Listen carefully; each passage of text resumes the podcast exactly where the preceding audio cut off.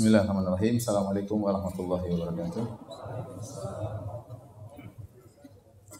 Innal hamdalillah nahmaduhu wa nasta'inuhu wa nastaghfiruhu wa natubu ilaihi wa na'udzu billahi min shururi anfusina wa sayyiati a'malina. May yahdihillahu fala mudilla lahu wa may yudlil fala hadiya lahu. Wa asyhadu an la ilaha illallah wahdahu la syarika lah.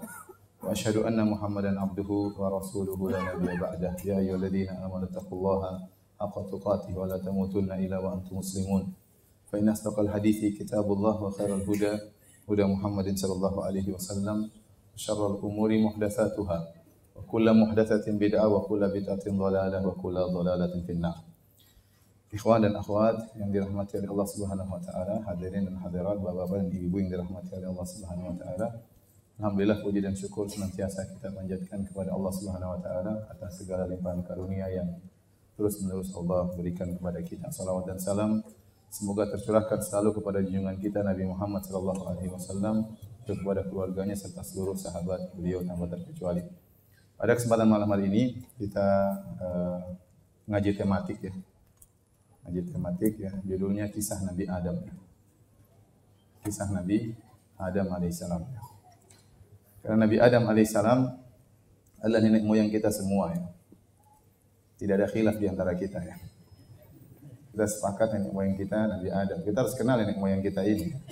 Dia manusia spesial, manusia spesial, manusia pertama. Kalau tidak ada dia, tidak ada kita ya. Orang berusaha mengenal keutamaan nenek moyangnya, apalagi nenek moyang yang pertama, Nabi Adam alaihi salam. Allah Subhanahu wa taala ya menceritakan kisah Nabi Adam dalam beberapa surat Allah ulang-ulang. Ya, karena banyak pelajaran yang bisa kita ambil dari kisah Nabi Adam alaihissalam moyang kita terutama ketika dia digoda oleh iblis ya. Sebagai peringatan bahwasanya permusuhan kita dengan iblis dan keturunannya sudah berlangsung sejak lama. Dan dengan mempelajari kisah Nabi Adam, kita akan mengetahui bagaimana indahnya Islam dan bagaimana menyimpangnya pemahaman-pemahaman yang keliru dari agama-agama yang lain ya. dan juga dari firqah-firqah yang menyimpang. Hadirin dan hadirat yang dirahmati oleh Allah Subhanahu wa taala. Nenek moyang kita, kakek kita Nabi Adam alaihissalam uh, diciptakan oleh Allah Subhanahu wa taala dari tanah ya. Sebagaimana firman Allah Subhanahu wa taala Inna mathala Isa inda Allahi kamathali Adam. Khalaqahu min turabin thumma qala lahu kun fayakun. Sungguhnya perumpamaan Nabi Isa seperti Adam alaihissalam. Ini Allah membantah orang Nasrani yang menganggap Nabi Isa lahir tanpa ayah mengharuskan dia menjadi Tuhan, maka Allah bantah Nabi Adam kalau kita lebih utama untuk jadi Tuhan karena dia diciptakan tanpa ayah dan ibu. Allah ciptakan Nabi Adam dari tanah kata Allah min turab dari tanah. Kemudian Allah berkata kun fayakun. Jadi maka jadilah. Tanah tersebut dicampur dengan air yang disebut dengan dengan tin. Sebagaimana perkataan iblis kepada Allah Subhanahu wa taala waktu disuruh sujud kepada Adam kata iblis khalaqtani min narin wa khalaqtahu min tin. Bagaimana aku sujud kepada dia wahai Allah? Engkau ciptakan aku dari api sedangkan kau ciptakan Adam dari tanah, dari tin. Nah, tin itu adalah campuran dari air dan tanah. Kalau air saja tidak disebut dengan tin, kalau tanah saja tidak disebut dengan tin, tapi disebut dengan turab. Kalau disebut dengan tin berarti tanah bercampur air ya. Seperti kalau kita dakik, tepung, ya. kalau dicampur dengan air jadi ajin, jadi adonan ya. Kalau hanya tepung saja tidak disebut dengan ajin, tidak disebut adonan, air pun tidak disebut dengan adonan. Tapi tatkala tepung bercampur dengan air maka jadilah ajin ya. Itulah tin yang Allah ciptakan darinya untuk menciptakan Nabi Adam alaihissalam. Dalam ayat yang lain kata Allah Subhanahu wa taala inna khalaqnahum min tinin lazib. Kami ciptakan Adam dari tanah yang melengket ya. Tanah tersebut tercampur dengan air menjadi lengket. Dalam hadis yang sahih dan juga diriwayatkan dari asar-asar dari para sahabat bahwasanya tanah tersebut diambil dari bumi dengan beraneka ragam warna. Warna putih, warna merah, warna hitam ya. Kemudian dikumpulkan oleh Allah Subhanahu wa taala sebagai sumber penciptaan Adam alaihissalam. Maka tidak heran kalau kemudian anak keturunannya juga ber, berwarna-warni. Ada yang gelap, ada yang terang, ada yang setengah gelap, ada yang setengah terang. Ada yang putih, ada yang hitam, ya. ada yang merah, ada yang coklat, ya. ada yang pirang, ya. dan berbagai macam. Semuanya keturunan Nabi Adam alaihissalam. Setelah menjadi tinin lazib, jadi tanah yang melengket, maka Allah menjadikan menjadi salsal, itu sesuatu yang kering seperti tembikar. Kata Allah, khalaqal insana min salsalin kal fakhar. Allah menciptakan manusia dari tanah yang kering seperti tembikar, seperti guci itu kan sudah kering. Dikeringkan oleh Allah Subhanahu wa taala, ya. Inni khaliqum basharan min salsalin min hama'in masnun dalam surat Al-Hijr. Kata Allah, aku wahai para malaikat, aku akan ciptakan manusia dari tanah yang kering. Fa idza sawaituhu wa nafakhtu fihi ruhi faqa'u lahu sajidin. Setelah aku atur makhluk tersebut, aku sempurnakan, maka aku tiupkan kepadanya ruh yang aku ciptakan kepada tanah liat tadi. Maka jadilah manu, manusia. Itulah proses penciptaan Nabi Adam alaihissalam. Dibentuk oleh Allah Subhanahu wa taala ya, dari tanah tanpa daging, tanpa tulang. Setelah ditiupkan ruh oleh Allah Subhanahu wa taala jadilah manusia. Ya. Inilah manusia. Inilah sumber manusia. Inilah sumber dari kita seluruhnya. Ya. Ya, setelah Allah menciptakan Nabi Adam alaihissalam, baru kemudian Allah menciptakan istrinya. Ya.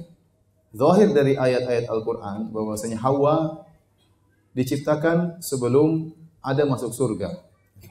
Makanya Allah mengatakan fakulna ya Adam uskun anta wa zaujukal jannah.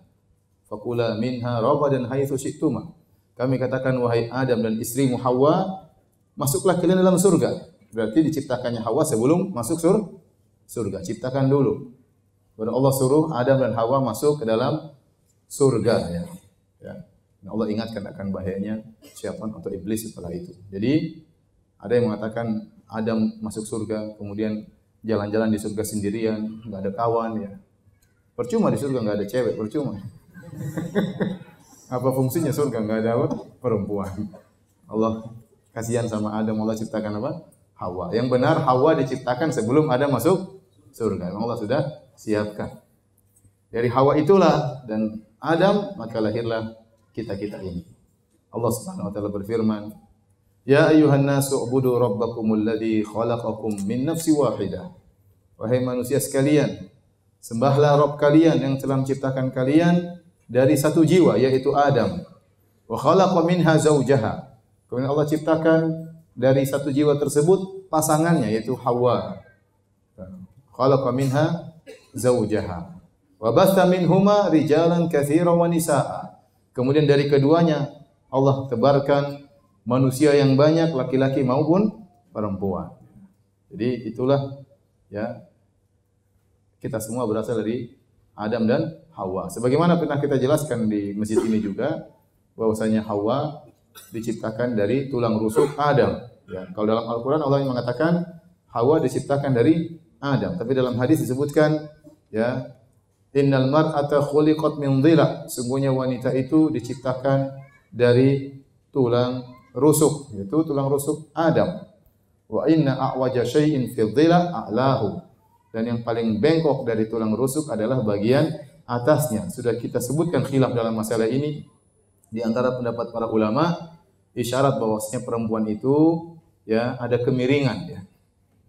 Ada kebengkokan dan mereka harus mengakui kodrat ini ya. Dan saya yakin dengan sabda Nabi Shallallahu alaihi wasallam. Dan sebagian ulama mengatakan yang paling bengkok atasnya isyarat, yang paling bengkok adalah apa? Lisannya. Perempuan itu paling bengkok apa? Lisannya. Ya. Lebih cepat banyak ngomong ya.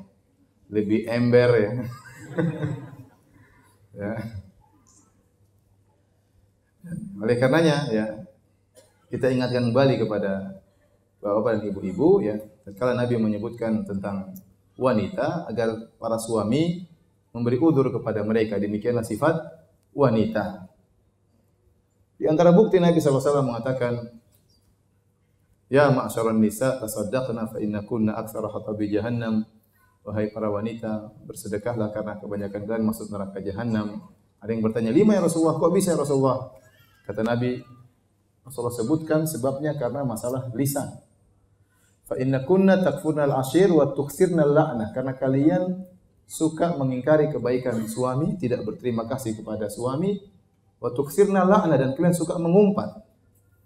Ini dosa-dosa yang dilakukan oleh wanita yang memudahkan mereka masuk dalam neraka jahanam. Semuanya berkaitan dengan lisan. Suka mengumpat, suka mengejek yang lain, suka ngerumpiin yang lain, suka membongkar aib orang lain, ya.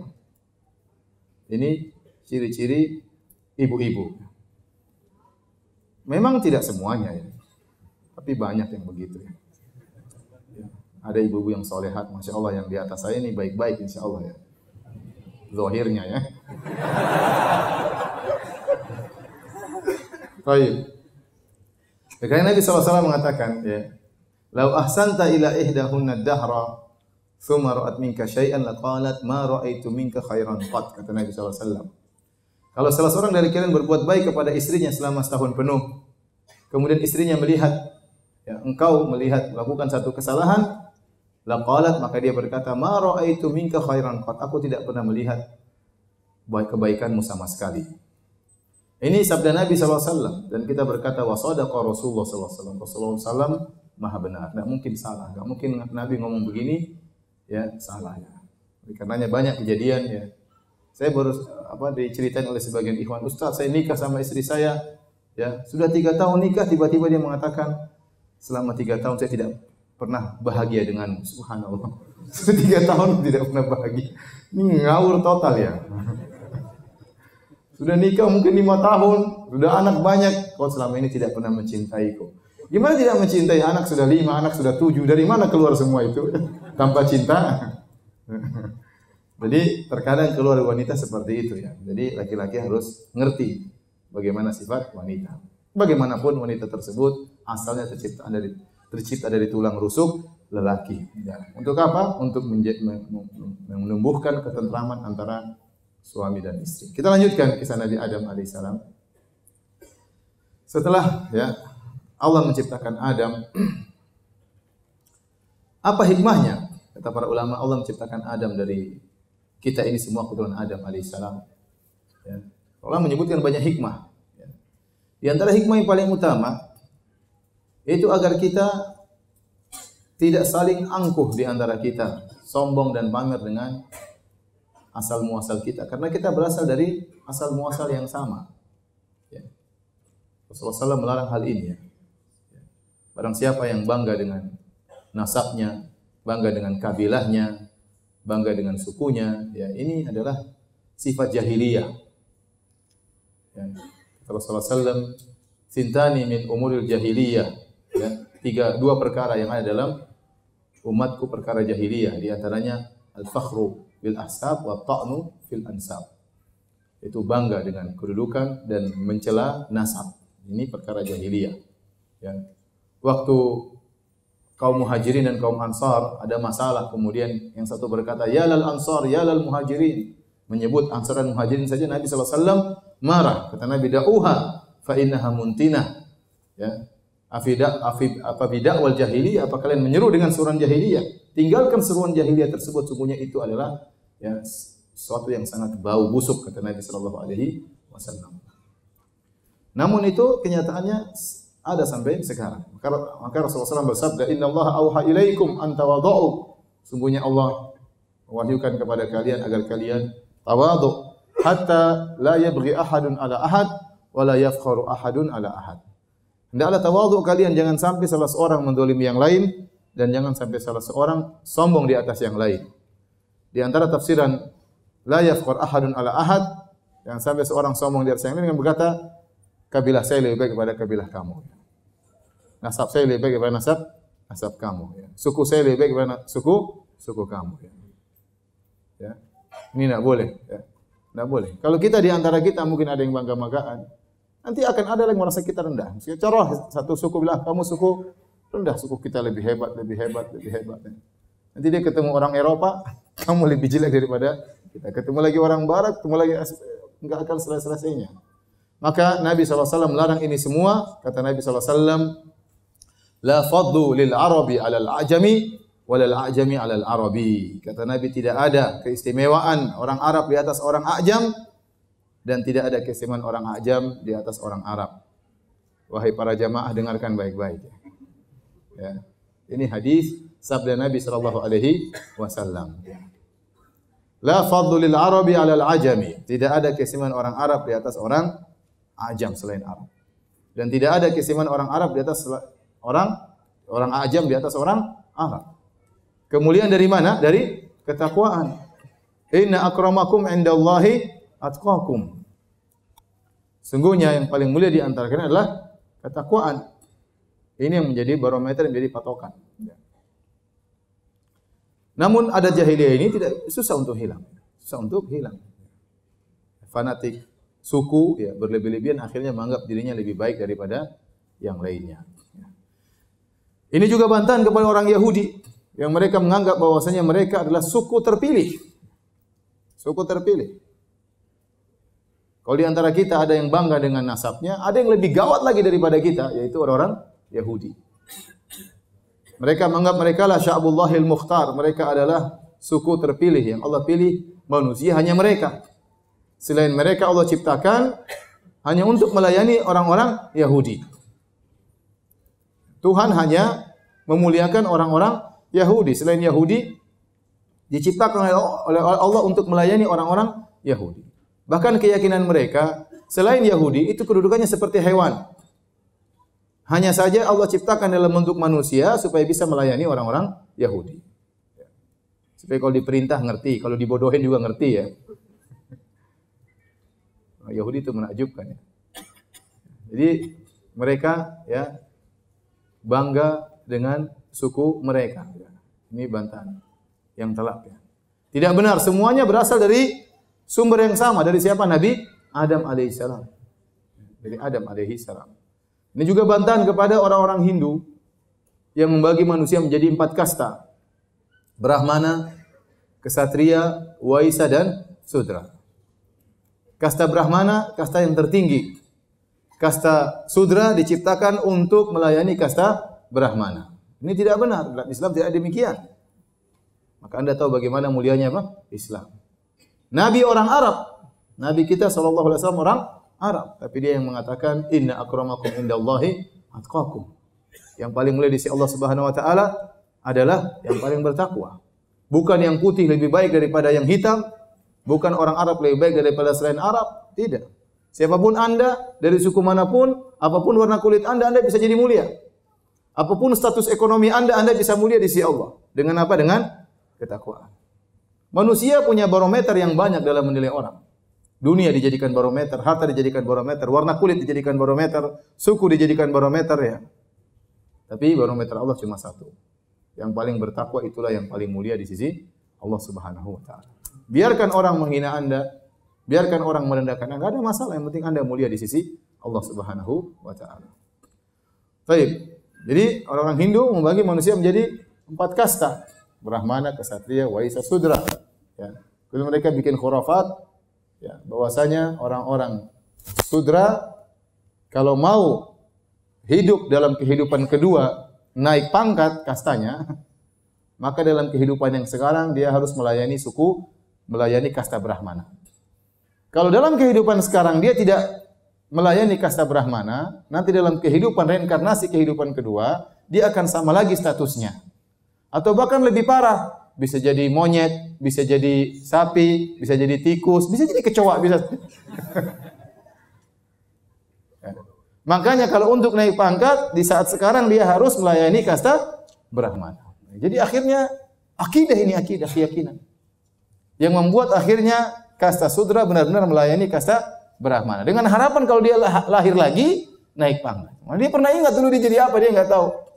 Ya, kalau mati sudah nggak akan bangun lagi, sudah selesai, masuk dalam alam barzah dan akan dibangkitkan pada hari kiamat kelak.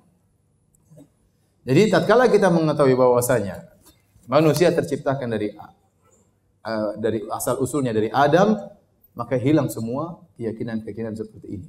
Ini menunjukkan indahnya Islam. Ini juga bantahan kepada orang-orang yang mengatakan bahwasanya manusia berasal dari monyet ya. Seperti pernyataan Charles siapa? Darwin ya. Kalau kita tidak, kita bukan dari monyet. Apa ada mirip kita dengan monyet? Ya, tidak ada ya. Kalau Darwin berkaca dia mirip monyet, terserah dia. Tapi kalau kita enggak, kita bukan dari apa? Monyet. Kita bukan dari monyet. Bagaimana dia mengatakan bahwasanya manusia berasal dari monyet? Dengan teori namanya teori apa? Evolusi atau teori reformasi atau teori adaptasi dengan berbagai macam teori yang mereka ajukan. Kata mereka dahulu manusia monyet, kemudian belajar makin cerdas, makin cerdas, makin cerdas menjadi manusia purba. Semakin cerdas, semakin cerdas, semakin cerdas menjadi manusia beneran. Tadinya kayak monyet, lama-lama mirip monyet. lama-lama ganteng ya. Ini semua omong kosong ya. Ente lihat monyet-monyet yang di apa pernah ganteng setelah 100 tahun kemudian? Dia tetap aja jadi monyet, tidak pernah mengalami perubahan ya. Yang jalannya bongkok tetap aja bongkok ya. Tanyakan kepada para monyet-monyet kalau kalian tidak percaya. Pergi ke taman safari monyetnya gitu-gitu aja tidak pernah mengalami apa? perubahan. Ini tidak benar ya. Manusia bukan dari monyet ya. Bukan dari monyet. Jadi mengatakan ada perubahan dari kekurangan menjadi sempurna. Bahkan kita lihat antum bandingkan antara bayi monyet dengan bayi manusia.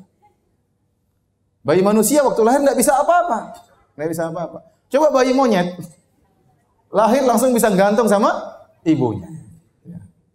Harusnya kan kalau teori mereka dari dari tidak sempurna menjadi sempurna. Padahal dari sisi kekuatan bayi monyet lebih jago daripada bayi apa? Manusia. Ini menunjukkan tidak benar teori tersebut.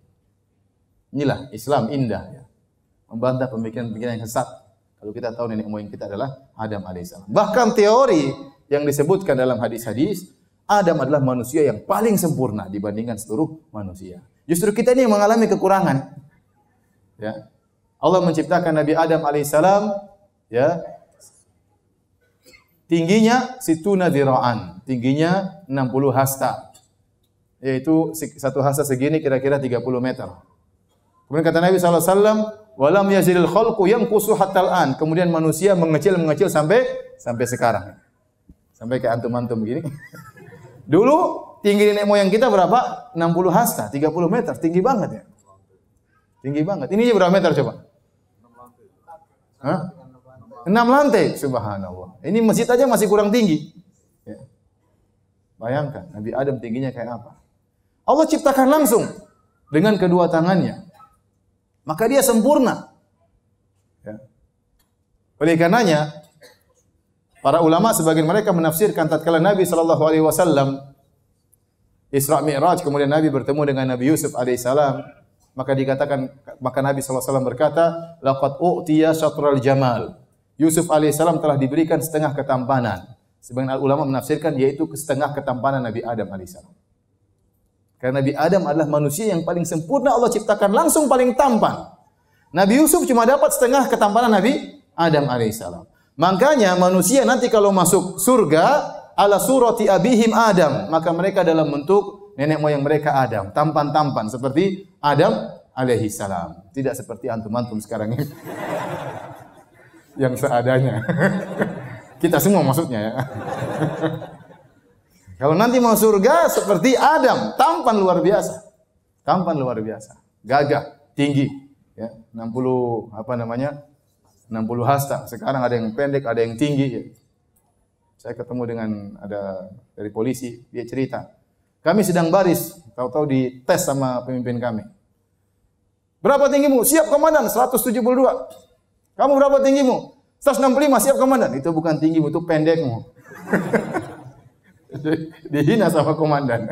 Ya manusia gitu, ada yang 160, ada yang 150, ada yang 170. Kalau pergi ke Belanda, kita ini pendek-pendek semua. Orang tinggi 180, 190. Ya. Jadi para hadirin telah subhanahu wa ta'ala, ya, jadi Adam justru teo, dalam hadis menunjukkan manusia sempurna adalah siapa? Adam alaihissalam. Sekarang mulai apa? Berkurang. Mulai berkurang. Bukan sebaliknya teori Darwin ya. Dari monyet kemudian menjadi manusia. Jadi Adam alaihissalam spesial Allah ciptakan dengan kedua tangannya langsung. Jadi ini yang dijadikan dalil oleh Allah Subhanahu wa taala untuk menyuruh malaikat sujud kepada Adam alaihissalam dan juga iblis disuruh sujud kepada Adam. Dan kalau iblis tidak mau sujud kepada Adam, Allah berkata, "Ma mana'aka an tasjuda lima khalaqtu biyadayya?" Wahai Adam, wahai iblis, apa yang mencegahmu untuk sujud kepada Adam yang aku ciptakan dengan kedua tanganku? Ya. Dan kita sudah sering kita jelaskan akidah ahlu sunnah wal jamaah meyakini bahwasanya Allah punya tangan. Ini akidah yang disepakati oleh para salaf, disepakati oleh para sahabat, dinyatakan oleh para ulama, bahkan Abdul Hasan Al-Asy'ari dalam kitabnya Maqalatul Islamiyin juga menyatakan demikian. Apalagi dalam kitabnya Al-Ibanah. Ya, maka sungguh sedih kita lihat orang-orang sekarang yang menisbahkan diri mereka kepada Abu Hasan Al-Asy'ari namun mereka mengingkari sifat kedua tangan Allah. Padahal Abu Hasan Al-Asy'ari sendiri menetapkan sifat kedua tangan Allah. Bahkan Ar-Razi ya dalam kitabnya mengatakan dia menyelisih Abu Hasan Al-Asy'ari. Ar-Razi yang katanya dan dia nisbahkan dirinya kepada Asy'ari, dia tahu Abu Hasan Al-Asy'ari menetapkan dua sifat, sifat dua tangan bagi Allah Subhanahu wa taala. Dan inilah keistimewaan Adam alaihissalam. Nah, kalau Anda mengingkari sifat tangan Allah Subhanahu wa taala, berarti Anda mengingkari keistimewaan nenek moyang kita. Apa bedanya Nabi Adam dengan kita kalau begitu? Tidak ada spesialnya. Justru Nabi Adam menjadi spesial tatkala diciptakan langsung dengan kedua tangan Allah Subhanahu wa taala. Ini kemuliaan yang Allah sebutkan dan diketahui oleh para nabi, diketahui oleh manusia tatkala di, di padang mahsyar.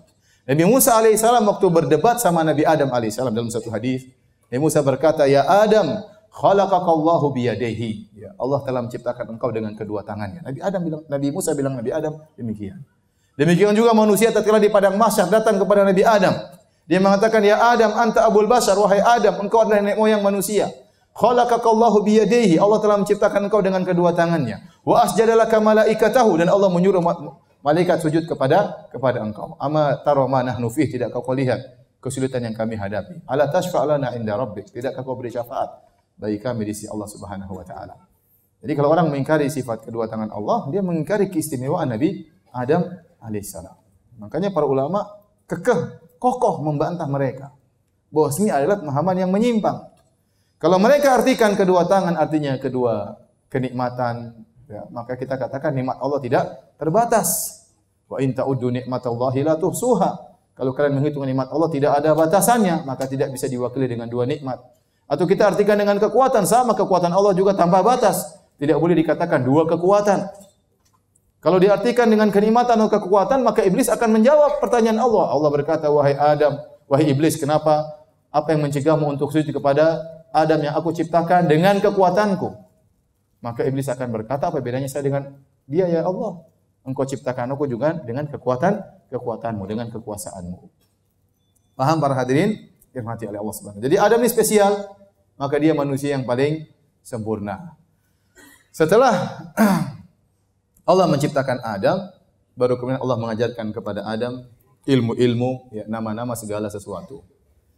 Sebelum Allah menciptakan Adam, Allah kabarkan rencana Allah ini kepada para malaikat. Allah sebutkan dalam surat Al-Baqarah, Wa idh qala rabbuka lil malaikati inni ja'ilun fil ardi khalifah. Tatkala Rabbmu berkata kepada para malaikat, sungguhnya aku akan menjadikan bagi bumi penghuni khalifah yaitu Adam dan anak keturunannya. Malaikat berkata, Qalu ataj'alu fiha ma yufsidu fiha wa yasfiku dima. Apakah engkau akan menjadikan di atas muka bumi makhluk ya, yang akan melakukan kerusakan dan akan menumpahkan darah. Qala inni a'lamu ma la ta'lamun. Aku tahu apa yang kalian tidak ketahui. Jadi Allah kabarkan kepada malaikat akan menciptakan Adam khalifah. Ya. Khalifah maksudnya apa? Dia akan menguasai bumi dan akan silih berganti. Ya. Waktu malaikat bertanya, "Ya Allah, kenapa Engkau menciptakan makhluk yang akan melakukan kerusakan dan akan menumpahkan darah di atas muka bumi, dari mana malaikat tahu bahwasanya Adam akan demikian? Maka ini ada beberapa pendapat ya. Bisa jadi Allah kabarkan tentang kepada malaikat tentang Adam di antara sifat-sifatnya dia akan punya anak keturunan yang akan saling bermusuhan dan akan saling menumpahkan darah. Ada pendapat yang mengatakan kenapa malaikat mengatakan demikian karena sebelum Adam ada makhluk sebelumnya yaitu jin. Ini pendapat sebagian salaf. Bahwasanya ada jin yang tinggal di atas muka bumi sebelum Adam alaihissalam. Ya, karena jin diciptakan sebelum manusia. Dalam hadis kata Nabi SAW, khuliqatil malaikatu min nur. Allah ciptakan malaikat dari apa? Cahaya. Jadi malaikat diciptakan terlebih dahulu. Bukan ini Allah ciptakan jin. Wa khuliqatil jan wa khuliqal jan mimma rijim min nar. Dan jin diciptakan dari nyala api. Wa khuliqa wa khuliqa Adam mimma wusifa lakum. Dan Adam diciptakan sebagaimana yang Allah sifatkan bagi kalian. Kata sebagian ulama ini tertib. Malaikat dulu diciptakan, kemudian jin baru kemudian manu, manusia. Dalam surat uh, dalam sebagian ayat kata Allah wal janna khalaqnahu min qablu min nari samum. Dan jin kami ciptakan sebelum Adam. Kami ciptakan jin sebelum Adam dari nyala api. Jadi ini menguatkan pendapat sebagian salaf bahwasanya di atas muka bumi sebelum Adam ada jin yang tinggal. Lantas mereka tinggal lama di bumi kemudian mereka melakukan kerusakan. Mereka saling bunuh-bunuhan, saling perang-perangan ya.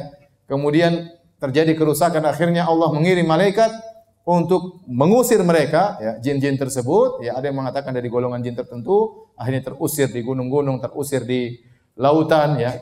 Baru Allah ciptakan Adam. Dari sini para malaikat ya bertanya kepada Allah nanti kalau engkau menciptakan manusia seperti sebelumnya yang suka menumpahkan darah suka bertempur. Ini pendapat sebagian salaf meskipun tidak jelas. Dan ini dikuatkan dengan kalimat khalifah karena khalifah dalam bahasa Arab artinya pengganti. Makanya Abu Bakar dinamakan khalifatul Rasulillah. Abu Bakar dijuluk, digelari dengan pengganti Rasulullah sallallahu alaihi wasallam. Seakan-akan keberadaan Adam di atas muka bumi, manusia di atas muka bumi adalah pengganti dari makhluk sebelumnya itu jin. Allah alam bisawab. Ya. Tatkala malaikat bertanya, ya, bagaimana engkau menciptakan manusia yang demikian sifatnya. Wa nahnu nusabbihu bihamdika wa nuqaddisu. Sementara kami malaikat senantiasa bertasbih kepadamu, senantiasa memujimu dan senantiasa mensucikanmu. Jadi buat apa ada makhluk Adam dan keturunannya sementara kami malaikat sudah beribadah. Kalau engkau ya Allah ingin menciptakan manusia yang beribadah, kami sudah beribadah. Dan malaikat kalau beribadah tiada henti-hentinya, tiada futur-futurnya, la yafturun kata Allah, tidak pernah futur. Tidak kayak kita manusia. Terkadang semangat, terkadang enggak semangat. Malaikat kalau sudah ibadah tidak ada tidak ada futurnya, terus semangat. Jadi malaikat menyebutkan. Tapi Allah mengatakan ini a'lamu ma la ta'lamun. Aku tahu apa yang kalian tidak ketahui. Ya, ternyata di antara anak-anak Adam ada orang-orang yang hebat. Ada para anbiya, ada para rasul, ada para mujahidin, ada para duat, ada para dermawan, mutasaddiqin ya. Ada orang yang sawamul qawam, salat malam, puasa dan orang-orang hebat yang mengorbankan jiwa, harta dan raga mereka untuk Islam ya. Banyak hal yang Allah tahu yang malaikat tidak tidak tahu. Kemudian setelah itu kata Allah wa 'allama Adam al-asma'a kullaha. Thumma aradahum 'alal malaikati. Wa qala anbi'uni bi asma'i haula'i in kuntum shadiqin. Allah kemudian mengajarkan kepada Adam al-asma' kullah. Seluruh nama-nama Allah ajarkan. Ya. Ini namanya ini, namanya ini, namanya ini, namanya ini. Adam mengerti, Adam punya ilmu. Ya. Setelah itu Allah tanyakan kepada para malaikat, "Ambiuni bi asma'i haula in kuntum shadiqin." Wahai malaikat, kabarkanlah kepada aku tentang nama benda-benda ini kalau kalian tahu. Qalu la ilma lana illa ma 'allamtana, innaka anta allamul ghuyub. Eh, innaka antal alimul hakim. Ya. Kata para malaikat, ya, kami tidak punya ilmu kecuali apa yang kau ajarkan kepada kami, ya Allah. Ya, engkau yang maha mengetahui. Jadi Adam dimuliakan oleh Allah di atas para malaikat dengan apa para hadirin? Dengan ilmu. Oleh karenanya waktu Nabi Daud dan Nabi Sulaiman dikasih ilmu, Nabi Sulaiman berkata, Alhamdulillahilladzi faddalana ala kathirin min ibadihi al-muslimin. Ya. Segala puji bagi Allah yang telah memuliakan kami itu Daud dan Sulaiman dengan apa? Dengan ilmu di atas kebanyakan hamba-hamba Allah yang lainnya ya. Oleh karenanya ilmu ini sangat penting. Jadi orang mulia dibandingkan yang lainnya. Ada menjadi mulia di atas malaikat dengan ilmu yang tidak diketahui oleh para para malaikat. Kemudian falamma amba'ahum ya Adam ambihum bi asma'ihim kata Allah ya Adam kabarkan kepada para malaikat tentang nama-nama benda-benda ini. Falamma amba'ahum bi asma'ihim qala alam aqul lakum inni a'lamu ghaibas samawati wal ard wa a'lamu ma tubuduna wa ma kuntum taktumun. Kata Allah Subhanahu wa taala tatkala Adam mengabarkan nama-nama tersebut kepada malaikat Baru Allah mengatakan, bukan saya telah sampaikan kepada kalian Saya tahu yang gaib di langit dan di bumi dan saya tahu apa yang kalian nampakkan dan apa yang kalian sembunyikan wahai para malaikat. Kalau yang disembunyikan malaikat saja Allah tahu, apalagi disembunyikan oleh manu, manusia. Oleh karena para hadirin dan hadirat yang dirahmati oleh Subhanahu wa taala, maka nampaklah kemuliaan Adam tatkala itu ternyata malaikat tidak tahu ilmunya, iblis juga tidak tahu ilmunya, Adam lebih pintar dari mereka dari sisi ini. Inilah dalil kemudian Allah menyuruh malaikat untuk sujud kepada Adam. Adam punya dua kemuliaan. Pertama diciptakan dengan kedua tangan Allah, kedua Adam punya ilmu. Kemudian kata Allah wa idz qulna lil malaikati isjudu li adam fasajadu ila iblis. Kemudian tatkala kami berkata kepada para malaikat, sujudlah kalian kepada Adam. Fasajadu mereka sujud seluruhnya. Illa iblis kecuali iblis enggak mau sujud. Aba wastakbar wa kana minal kafirin. Dia enggan dan dia sombong dan dia termasuk dari golongan yang kafir, iblis. Hadirin, iblis ada khilaf di kalangan para ulama. Dia berasal dari mana? Apakah dia malaikat atau dari jin? Justru jumhur mufassirin menyatakan bahwasanya bahkan salaf, sebagian salaf menyebutkan iblis itu dari malaikat. Iblis dari golongan malaikat. Ini yang dirojikan oleh Ibnu Jarir atau tabari dalam tafsirnya. Dohir ayat, saya bacakan ayatnya. Wa idh qulna lil malaikati isjudu li Adam. Kata Allah, tatkala kami berkata kepada para malaikat untuk sujud kepada Adam. Allah tidak mengatakan tatkala kami berkata kepada malaikat dan iblis untuk sujud kepada Adam. Tidak. Tidak ada kalimat dan iblis, tidak ada. Allah hanya mengatakan, tatkala kami berkata kepada malaikat, sujudlah kalian kepada Adam. Fasajadu seluruhnya sujud illa iblis kecuali iblis. Berarti iblis bagian daripada malaikat. Dohir ayat demikian. Ini pendapat yang cukup kuat. Pendapat yang kedua, tidak iblis dari jin. Iblis dari jin dan ini pendapat lebih kuat lagi dalam surat Al-Kahfi kata Allah, "Kana minal jinni fafasaqa an amri rabbih." Sungguhnya iblis sudah dari golongan jin dan dia fasik, dia membangkang kepada perintah Rabbnya. Dan tentu sifat iblis tidak sama dengan sifat malaikat. Karena malaikat ya, tidak pernah membangkang kepada Allah, la ya'suna Allah ma wa yaf'aluna ma tidak pernah bermaksiat dan selalu taat atas perintah Allah. Adapun jin terkadang bermaksiat, terkadang taat. Ya. Jadi pendapat yang kuat, pendapat kedua yang dirojikan oleh Ibnu Taimiyah rahimahullah, dirojikan oleh Ibnu Qayyim rahimahullah taala, bahwasanya iblis itu secara asal dari golongan apa? Jin. Tetapi karena dia hebat, perhatikan di sini. Tapi karena dia itu orang soleh, orang soleh, jin soleh, maka dia berada di kalangan para malaikat. Dia iblis gaulnya dengan malaikat. Jin yang gaulnya dengan apa? Para malaikat. Dia berada di barisan para malaikat. Dia bukan jin sembarangan. Dikatakan dia adalah jin yang paling alim ya. Bahkan ilmunya luar biasa. Antum bisa baca dalam buku-buku tafsir. Orang paling eh, bukan orang ya. paling alim tatkala itu. Tahu-tahu datang Adam lebih alim daripada dia. Ini bikin iblis jengkel ya.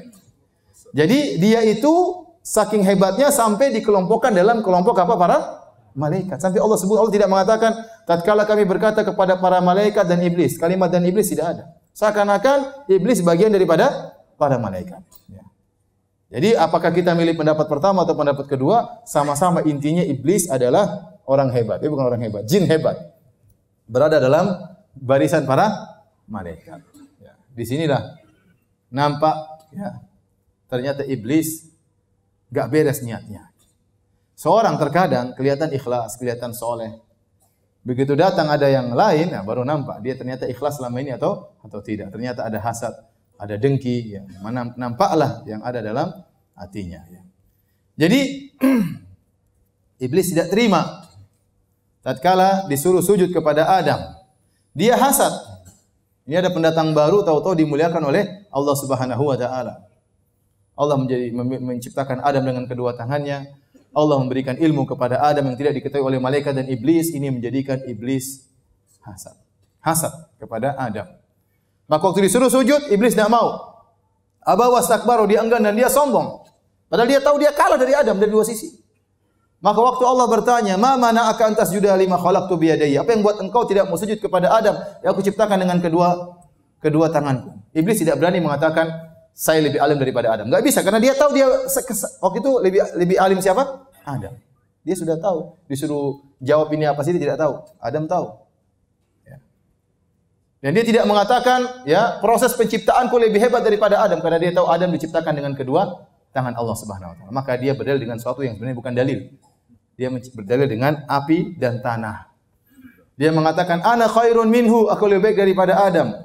Khalaqtani min nar wa khalaqtahu min tin. Aku lebih baik daripada Adam, engkau ciptakan aku dari api dan kau ciptakan Adam dari tanah. Jadi iblis menggunakan kias, logika, analogi bahwasanya api lebih baik daripada tanah. Dan aku berasal dari api, Adam dari tanah, berarti aku lebih baik daripada Adam. Dan ini adalah kias yang batil dibantah oleh para ulama anak keturunan Adam, tidak perlu Adam yang bantah, anak keturunannya yang bantah. Dari puluhan sisi ya. Saya baca bantahannya banyak sekali ya. Tapi di antara bantahan-bantahan tersebut kita katakan siapa bilang api lebih baik daripada tanah? Ya. Tanah lebih baik daripada api. Api sifatnya merusak. Api lemas, ditiup angin cepat, ya. tidak punya ketegaran. Dan api sifatnya apa? Merusak. Adapun tanah, masya Allah tenang, bisa menumbuhkan banyak pepohonan, tempat hidup manusia, tempat hidup hewan-hewan. Banyak keutamaan apa? Tanah. Ya. Orang bisa hidup tanpa api, bisa atau tidak? Bisa. Makan rebus, eh, makan apa? Makan buah-buahan ya. Makan ikan tidak usah dibakar. Kayak orang Jepang, bisa aja. Makan singkong terus. Tapi kalau nggak ada tanah mau hidup di mana? Kalau nggak ada tanah mau hidup di di mana ya? Jadi yang bilang api lebih baik daripada tanah itu tidak tidak benar. Yang kedua, taruhlah api lebih baik daripada tanah. Kita bilang wahai iblis, kamu salah pendalilan. Yang sekarang dijadikan perbandingan antara adalah antara engkau wahai iblis dengan Adam. Bukan masalah nenek moyang, bukan asal muasal. Kalau ada misalnya seorang pencuri ditegur sama seorang ustadz, wahai pencuri, wahai fulan jangan kau mencuri. Ya, Kata sang pencuri, wahai ustaz, kau jangan sok-sok negur saya. Bapakmu dulu pencuri, bapak saya dulu ustaz. Kira-kira gimana? Eh, enggak benar. Yang jadi perbandingan yang sekarang. Jangan kau perbandingkan dengan taruhlah api lebih baik daripada tanah. Tapi sekarang yang terbukti Adam lebih pintar daripada siapa? Daripada iblis. Ya sudah, itu kenapa yang sebut-sebut apa nenek moyangmu, sebut asal-asal penciptaanmu. Yang sekarang yang jelas kamu sudah mengakui ada barang benda-benda yang Adam tahu ilmunya kau tidak tidak tahu. Taruhlah benar wahai iblis engkau lebih baik sekarang pun lebih afdal daripada Adam. Tapi yang perintahkan engkau adalah Allah untuk sujud kepada siapa? Adam. Ya. Kalau Allah yang perintahkan mau kau lebih baik tetap kau harus sujud kepada Adam sebagai bentuk taat kepada Allah Subhanahu wa taala. Akhirnya iblis pun hasad dan dia tidak mau sujud kepada Adam meskipun dia tahu resikonya dia akan masuk neraka, dia tidak peduli. Orang kalau hasad seperti itu ya. Saya enggak peduli. Enggak apa-apa, masuk neraka enggak ada masalah. Yang penting saya tidak mau sujud sama sama Adam. Luar biasa iblis. Resikonya masuk neraka iblis, ya enggak apa-apa. Masuk neraka enggak ada masalah. Yang penting saya tidak mau sujud pada pada Adam. Saya baru ngeh hal ini waktu saya pernah ditanya sama orang, "Ustaz, istri saya disir sama adiknya." Mana adiknya sihir sendiri? Keluarganya sendiri ya. Kasih tahu adiknya itu ini syirik enggak boleh. Yo, yo Ustaz, adiknya itu lulusan pondok, dia tahu ini syirik subhanallah. Jadi adiknya sudah tahu sihir itu syirik, tetap saja dia jalani ya. Kenapa? Karena ingin melampiaskan apa? Hasadnya. Meskipun iblis tahu orang hasad, hasad itu ada dua tingkat. Ada bertingkat-tingkat. Tapi tingkat yang biasanya dilakukan oleh manusia seperti kita, kalau kita kerja ada direktur, kita ingin direkturnya turun, kita gantiin, ya enggak? Biasanya kan gitu. Dia direktur, kita anak buahnya. Kapan dia mati biar saya jadi apa? Direktur. Sama. Biasanya begitu, ingin berpindah kepada kita. Ada orang teman kita istrinya cantik, istri kita pas-pasan ya kapan teman saya mati biar saya ambil jandanya ya. Ditunggu kapan matinya ya. Menggantikan apa? Posisinya. Itu hasad, itu buruk. Ingin agar kenikmatan orang pindah kepada kita. Iblis lebih buruk daripada itu. Tidak perlu kenikmatannya pindah sama saya, nggak ada masalah. Tidak perlu Adam keluar dari surga, saya yang masuk surga. Nggak apa, nggak perlu. Kita sama-sama masuk neraka. Paham? Parah atau tidak? Parah. Biasanya orang hasad itu nikmatmu pindah ke saya. Enggak. Iblis enggak. Dia tidak butuh untuk masuk surga. Yang dia perlukan Adam menemani saya di mana? Di neraka. Seperti itu, mengerikan. Jadi hasad iblis ini hasad tingkat tinggi. Dia tidak perlu masuk neraka nggak ada masalah, tidak perlu dapat kenikmatan yang penting saya tidak sujud kepada Adam. Oleh karena ikhwan, hati-hati dengan hasad. Dosa pertama di alam semesta ini dosa hasad. Dosa pertama di alam semesta ini dosa hasad dilakukan oleh iblis. Ya. Orang kalau sudah hasad repot ya. Gimana? Hmm? Masih lama ya? Para hadirin Allah Subhanahu wa taala, akhirnya waktu difonis ya masuk neraka, iblis maka minta izin kepada Allah untuk menggoda Adam. Iblis berkata, "Rabbi fa'anzirni ila yaumi yub'atsun." Ya Allah, ya Rabbku, tangguhkanlah kematianku sampai hari kiamat. Kata Allah, "Innaka minal mundzirin." Aku tangguhkan kematianmu sampai hari kiamat. Ini dalil bahwasanya iblis tahu dia tidak hidup abadi bahwasanya dia punya umur juga. Dan ini dalil bahwasanya para jin itu punya umur. Yang ditangguhkan umurnya sampai hari kiamat sampai abadi cuma siapa? Iblis. Ya. Adapun selain iblis jin-jin umurnya ada, cuma kita nggak tahu berapa. Oleh karena jangan terlalu membenarkan ada jin di rukyah dia ngomong, oh, "Umur saya 6000 tahun." Saya ketemu dengan Musa. Ente bahlul kata. Ente kadzab. Ini dia tahu ya. Saya ketemu dengan Abu Bakar, saya ketemu dengan Nabi Muhammad SAW. Wah, jin sahabat ini kalau begini. Jin munafik. Jadi jangan terlalu percaya. Apa sebagian jin suka ngomong, ngomong, ngomong, ngomong sana sini nggak belum tentu benar ya. Sudah ente rukyah aja sampai dia keluar. Ente jangan pedulikan dia ngomong. Bacain Quran aja sampai dia apa? Keluar ya. Azan dulu. Gimana? Selesai? Azan, sholat, lanjut. Ya udah, azan sholat lanjut ya.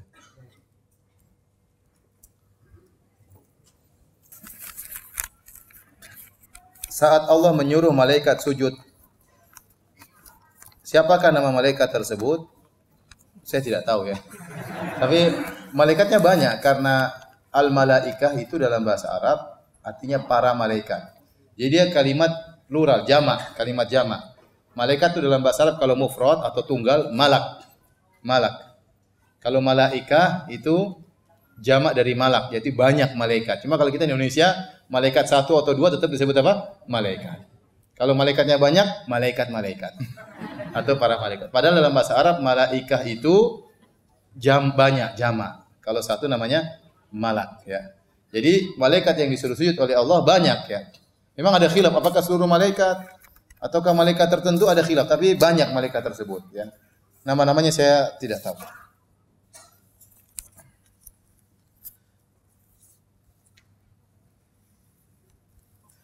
Anda mau tanya, tatkala Adam dimasukkan surga, tentu merasakan nikmat di surga. Lantas bagaimana anak cucu Adam terkadang lupa akan yang pernah dirasakan oleh Adam? Ya, kita nggak kita bukan Adam ya. Kalau kita lupa, kita nggak pernah rasa ya.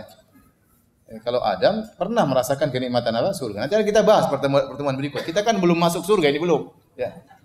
Adam masih apa dihasati oleh siapa? Iblis. Belum, belum masuk surga. Baru diciptakan siapa? Hawa untuk masuk surga bareng-bareng.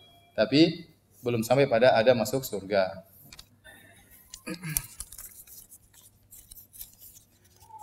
Dalam perjalanan Isra Mi'raj, Nabi Muhammad menanti, eh, eh menaiki langit dari langit 1 sampai 7. Di setiap langit ada Nabi bertemu dengan Nabi yang lain. Kok bisa Nabi Muhammad bertemu dengan Nabi-Nabi yang sudah meninggal? Mudah bagi Allah. Ya. Allah hidupkan mereka sesaat atau Allah menghadirkan arwah mereka sesaat. Mudah bagi Allah Subhanahu wa taala. Mereka berkumpul di Baitul Maqdis salat bersama Nabi juga mudah bagi Allah Subhanahu wa taala.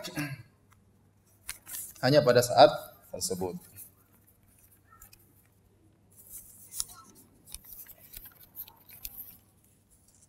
Anda pernah mendengar bahwasanya Allah mempunyai kedua tangan, namun kedua tangannya tangan kanan. Dalam Sahih Muslim memang Rasulullah SAW bersabda, wakilta uh, wakilta yadaihi yamin dan kedua tangan Allah adalah kanan. Ya. Kalau hadis ini sahih dan dia dalam Sahih Muslim, semakin menguatkan bahwasanya tangan Allah tidak seperti tangan manusia dan tidak mungkin kita bisa bayangkan. Paham? Karena kalau kita bayangkan versi manusia, maka itu cacat. Ya. Tatkala Allah mengatakan kata para ulama, kenapa tangan kanannya temu kanan semua tangan Allah adalah kanan? Karena kalau ada yang kiri seakan-akan ada tercela, kanan-kanan tangan yang kiri ya. Ini kalau hadis itu sahih. Yang jelas ini semakin menguatkan bahwasanya tidak bisa kita bayangkan bagaimana tangannya Allah. Makanya Allah mengatakan wa ma qadarullah haqqa qadri. Mereka tidak mengumumkan Allah sebagaimana mestinya. Wal ardu jami'an qabdatuhu yaumal qiyamah pada hari kiamat kelak.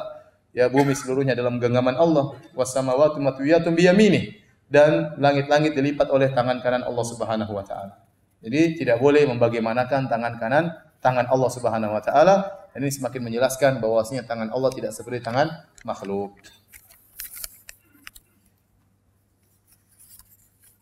Adakah manusia purba dalam Islam seperti yang diceritakan dalam sejarah?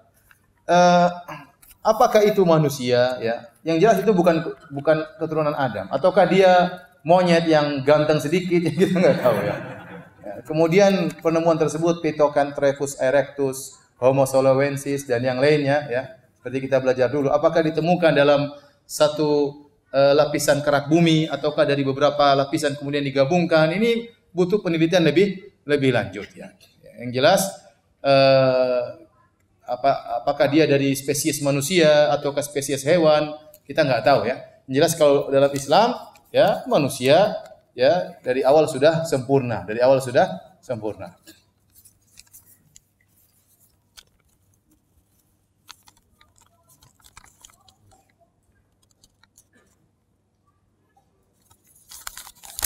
Ini ada pertanyaan bagaimana kondisi masjid seperti ini. Jadi masjid, kemudian kiblatnya, kemudian ada tembok, ada kuburan. Gak ada masalah, apalagi tembok dan kuburan sudah di eh, antara masjid dengan kuburan sudah dipisahkan arealnya. Ini nggak ada masalah ya. Ini eh, tidak mengapa sholat di masjid ini meskipun berhadap langsung dengan kuburan karena arealnya sudah terpisah. Apa bedanya jin, iblis dan syaitan? Jin adalah jenis makhluk seperti malaikat. Malaikat jenis makhluk tercipta dari cahaya. Jin jenis makhluk tercipta dari api. Manusia jenis makhluk tercipta dari tanah. Ya. Nah, jin ada yang baik dan ada yang buruk. Ya, di antara kami ada yang muslim, di antara kami ada yang tidak muslim. Ya. Kemudian di antara yang muslim pun kunna tara'iqa qidada. Kami bermacam-macam. Ya. Ada yang jin sunnah, ada yang jin syiah ya. Ada jin salafi ya, ada jin yang lainnya bermacam-macam ya, bermacam-macam. Jin juga bermacam-macam. Nah, ada jin baik, ada jin buruk. Setan itu namanya sifat. Sifat jin yang buruk namanya setan. Sifat manusia yang buruk namanya setan. Allah mengatakan syayatinal insi wal jinni. Setan jin dan setan manu manusia. Itu bedanya. Adapun iblis adalah jin yang panjang umur. Iblis adalah jin yang panjang umur. Paham? Itu bedanya iblis, jin dan apa? Setan. Jadi iblis adalah salah satu dari sekian banyak jin yang dipanjangkan umurnya untuk menggoda manusia. Ya, ada adapun jin adalah jenis makhluk, adapun setan sifat baik kepada manusia ada kepada jin yang buruk namanya setan.